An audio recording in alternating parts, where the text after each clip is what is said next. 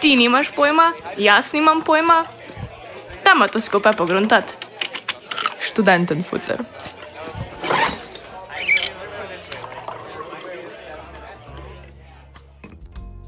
Lepo pozdravljeni v okrogli deseti epizodi Študenten Futra. V tej jubilejni oddaji bova namenila pozornost aktualni problematiki dijakov in študentov. Veliko je dogajanja, ki se tiče študentov in dijakov, in v bistvu sploh ne veva, kje naj začneva.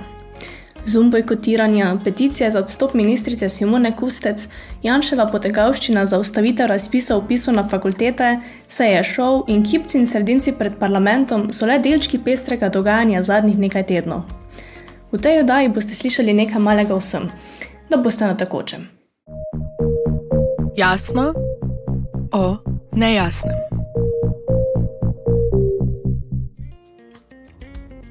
Dijaki se že četrti mesec šolajo doma. V preteklih mesecih smo pogrešali jasne načrte in temeljitejše smernice na področju šolanja. Dijaki zahtevajo vladne spremembe.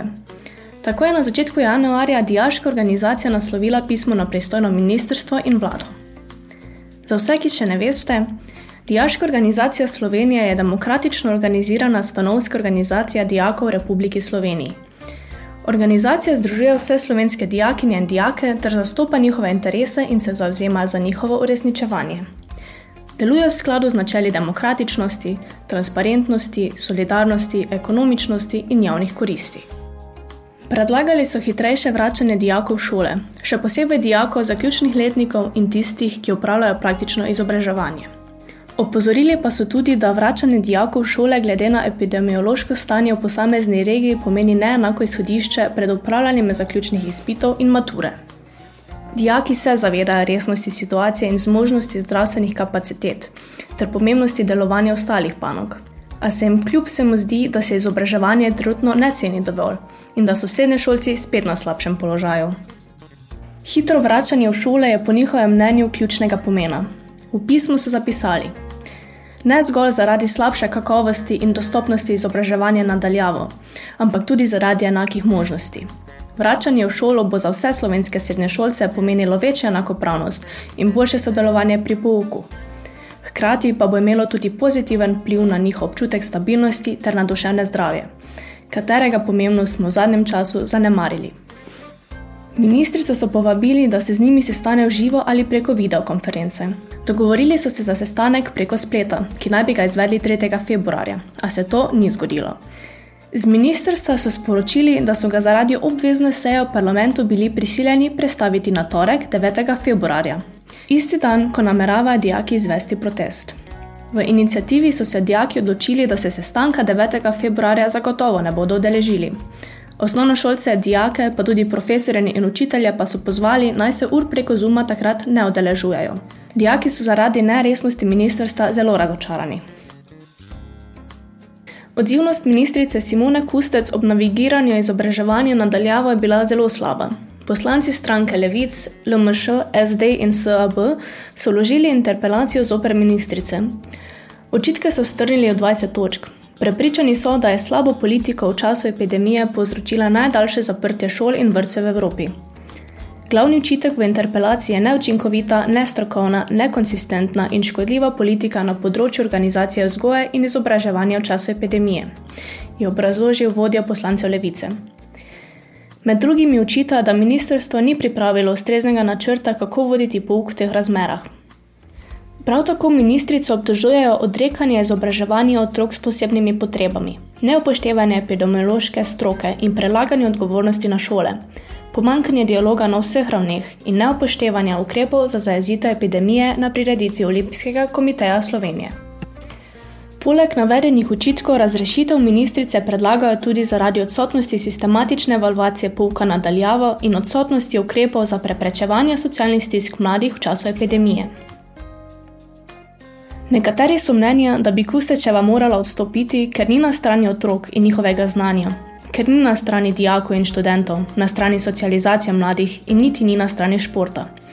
Poleti ni naredila nič za to, da bi šole pripravila na druge val epidemije, prav tako, da otroci s posebnimi potrebami niso bili deležni njene zadostne pozornosti. V odzivu na interpelacijo povedala, da to sprema kot priložnost, da ponovno pojasni aktivnosti Ministrstva za izobraževanje, znanost in šport v času trajanja njenega mandata. Navedla je, da bo očitke z interpelacije z argumenti in dejstvi zavrnila. Piratska stranka je pripravila tudi peticijo za odstop ministrice in trenutno so zbrali že več kot 4500 glasov. Pirati so mnenja, da ministrstvo potrebuje vodstvo, ki se bo na temeljih izkušenj in zmožnosti obvladovanja kapacitet v izrednih kriznih razmerah sposobno spoprijeti s trenutnim šolskim sistemom in zagotoviti primerno kakovost šolanja vsem. Simoni Kustec seveda ne gre očitati celotne krivde, da je šolski sistem ob izbruhu epidemije padel na kolena. Gre pa vsekakor očitati to, da ga je na kolenih nemočno pustila klečati.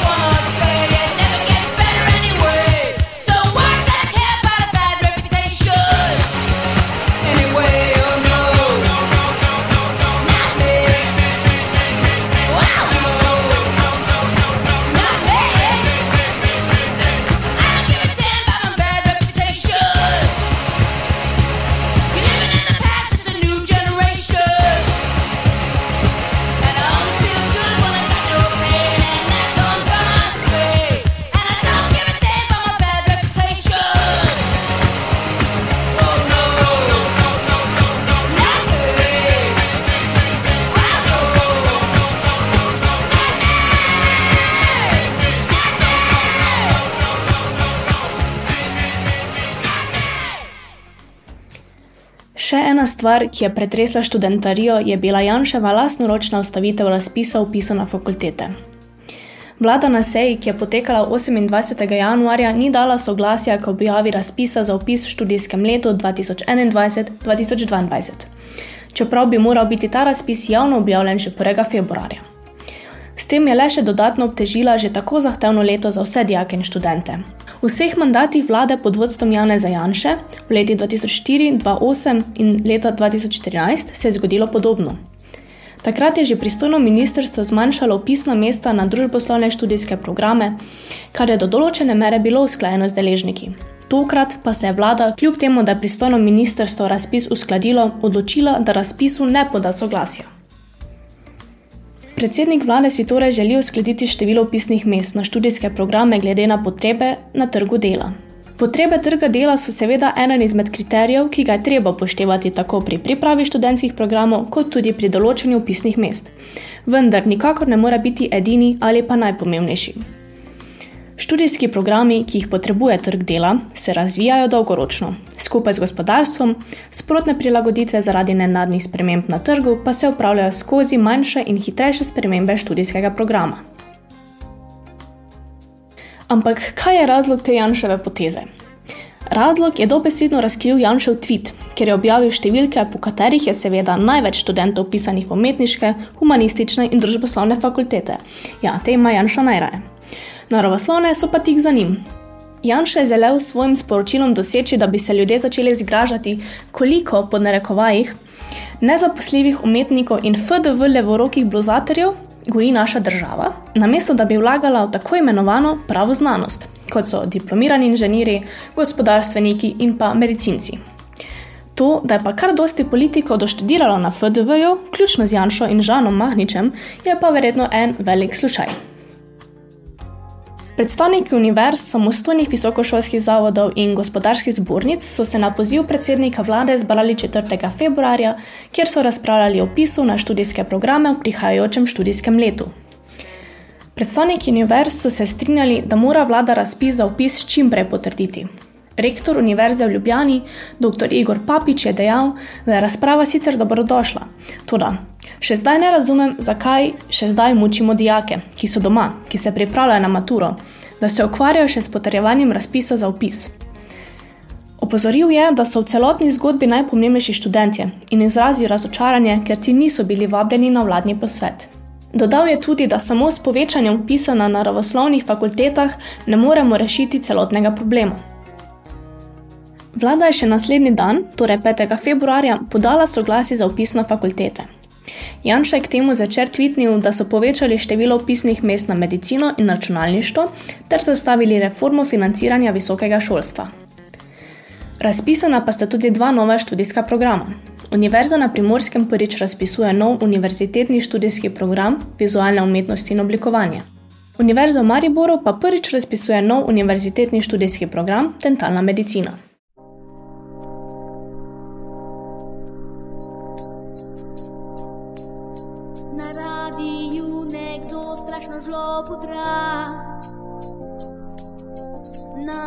Najbrž, najbrž je plačan.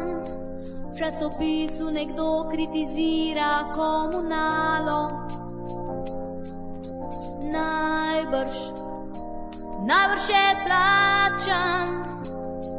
Sem kar tja, ko ljubosumno zabode žene.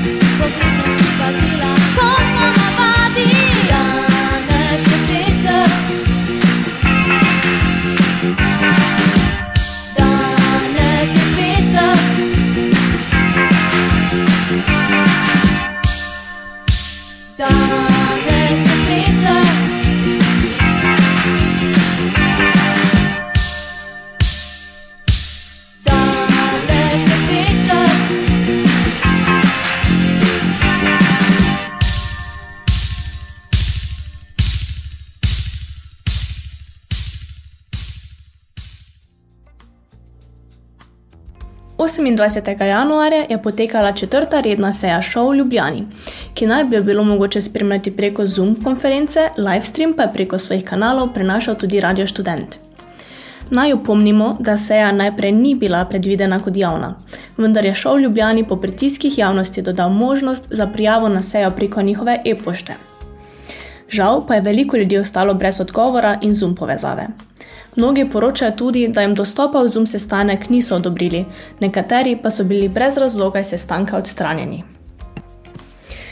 Na seji so brali nov finančni načrt, kjer se je postavka za radio študent sicer nekoliko povišala na 65 tisoč evrov. V oči pa je bodla izredno nizka participacija študentskih poslancev.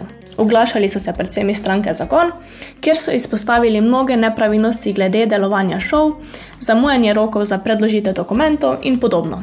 Zanimivo pa je, da predsednik šova Klemen Petek na večino vprašanj in komentarjev ni imel konkretnih odgovorov, vendar se pa vsaj lepo zahvali za konstruktivne predloge.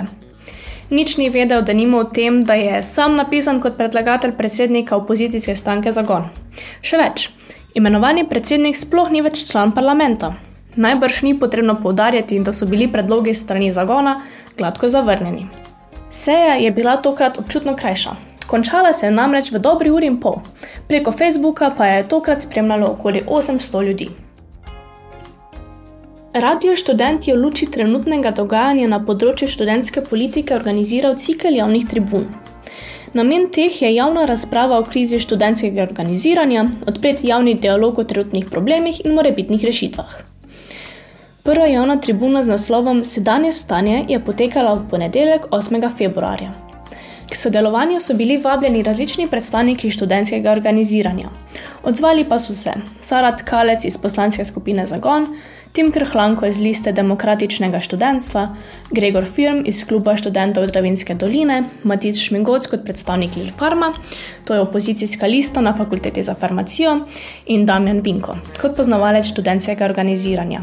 Naj omenimo, da so bili k razpravi vabljeni tudi predstavniki koalicijskih list, šova, Modro za študente ter povezani, vendar se na povabilo niso odzvali.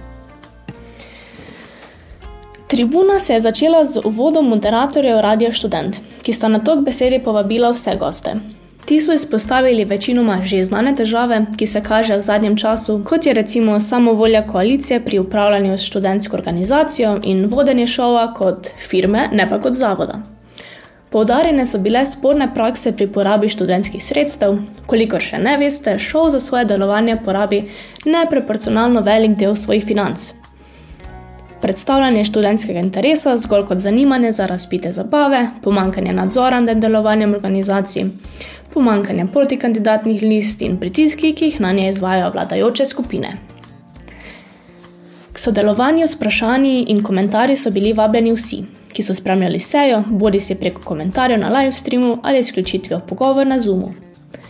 Sodelujočih ni manjkalo. Med drugimi so izpostavili nezainteresiranost šova za financiranje študentskih društev, kot so pevski zbori, društva in folklorne skupine. Naslovljena pa je bila tudi domnevna apatija študentov, slaba informiranost o delovanju študentskih organizacij, oziroma kako do apatije pride preko trenutne sistemske ureditve. Oglasil se je tudi predstavnik civilne inicijative Mi smo ŠDL, ki je povdaril, da je zapostavljen del študentske krize tudi situacija v ljubljanskih študentskih domovih. V Ljubljano namreč prihaja vedno več študentov, medtem ko v zadnjih 15 letih ni bilo zgrajenega nobenega novega študentskega doma, hkrati pa jim grozi še izguba akademskega kolegija.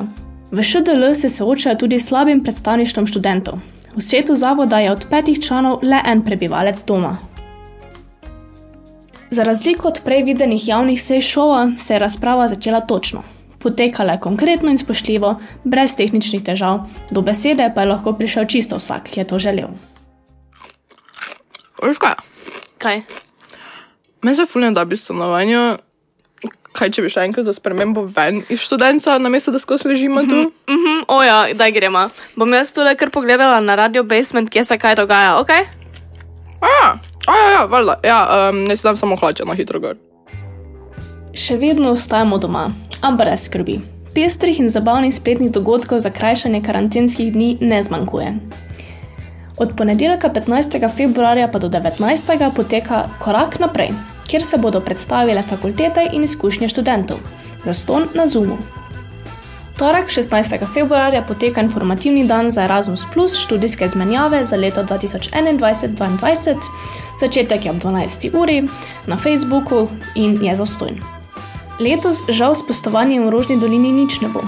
A Koroški mladinski kulturni center organizira v torek 16. februarja ob 20. uri pustni tag House Affect Music za stojn prenos na Facebooku. V sredo 17. februarja Klub študentov Dravinske doline organizira dogodek Nahrani možgane, delavnica o študentski prehrani na aplikaciji Zoom ob 18. uri, za stojn in prijave zbirajo do 15. februarja.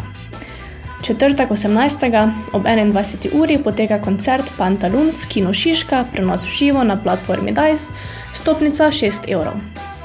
Soboto 20. februarja ob 14. uri, kateri faks je zame? Na Zoomu udeležba je brezplačna. Četrtek 25. februarja koncert Free Kind v Kino Šiški. Ob 21. uri prenos kot vedno na platformi DICE in stopnica 6 evrov. Povezave do vseh dogodkov, kot vedno, najdete v opisu. Žmohtne zgodbe. V žmohnih zgodbah tokrat naslavljamo pestro dogajanje pred parlamentom. Kot kaže, študentski funkcionarji niso edini, ki v zadnjem času radi postavljajo skulpture pred hramom slovenske demokracije. No, lahko pa priznamo, da je bil zloglasni kip, o katerem ste najbrž že slišali, nekoliko bolj estetsko dovršen. Mladi forum SD, podmladek stranke SD, je 6. februarja pred parlament namreč postavil kip gole mladenke z iztegnjenim, provokativnim, dvignjenim sredincem. Pravijo, da kip predstavlja mlado državo, znano po svoji lepoti, a slečeno do golega zaradi ravnanja oblasti. Kip ima zato posebno in provokativno sporočilo vladajoči politiki, ki jo omogoča večina v državnem zboru. Luka Goršek, predstavnik mladega foruma SD, pove, da Kip sporočilo Slovenije vladajočim sporoča, da hoče živeti in se razvijati drugače. Predstavlja sporočilo mladih, dijakov, študentov, njihovih staršev in starejših, da je dovolj nesposobne in nesposobne oblasti. Predstavlja sporočilo mladih, dijakov, študentov in njihovih staršev in starejših, da je dovolj nesposobne in nespodobne oblasti. Ta oblast nam jemlje sedanjost, ker nas tudi po več kot treh mesecih drži zaprte v naših sobah, priklenjene na ekrane. Podpredsednica mladega foruma Daša Vindišer doda, da nam jemlje prihodnost, ko misli, da zna boljše od vsake in vsakega od nas sprejemati odločitve o tem, kaj bomo mi v življenju znali, kaj bomo delali in kako bomo živeli. Kip naj bi tako ponazarjal tudi sporočilo razumnih ljudi, ki imajo dovolj ignorance, neupoštevanja in nerazumevanja. Pred kulturnim praznikom pa naj bi kip upozorjal tudi na pomen kulture, za katero Daša Vindišer pravi: Kultura je svoboda, kultura je demokracija, kultura je pravica, kultura je resnica, kultura je odprtost v svet, kultura je radovednost in inovativnost in vse to, kar je slovenski način življenja ta vlada ogroža in nasilno spreminja. Z dvignjenim sredincem pa zaključujemo deseto epizodo Študenten Futra. Vabljeni k poslušanju naslednjega. Ta izide 25. februarja, kjer boste lahko prisluhnili čisto novi podrubriki Študenten Futra. O čem točno pa naj ostane skrivnost.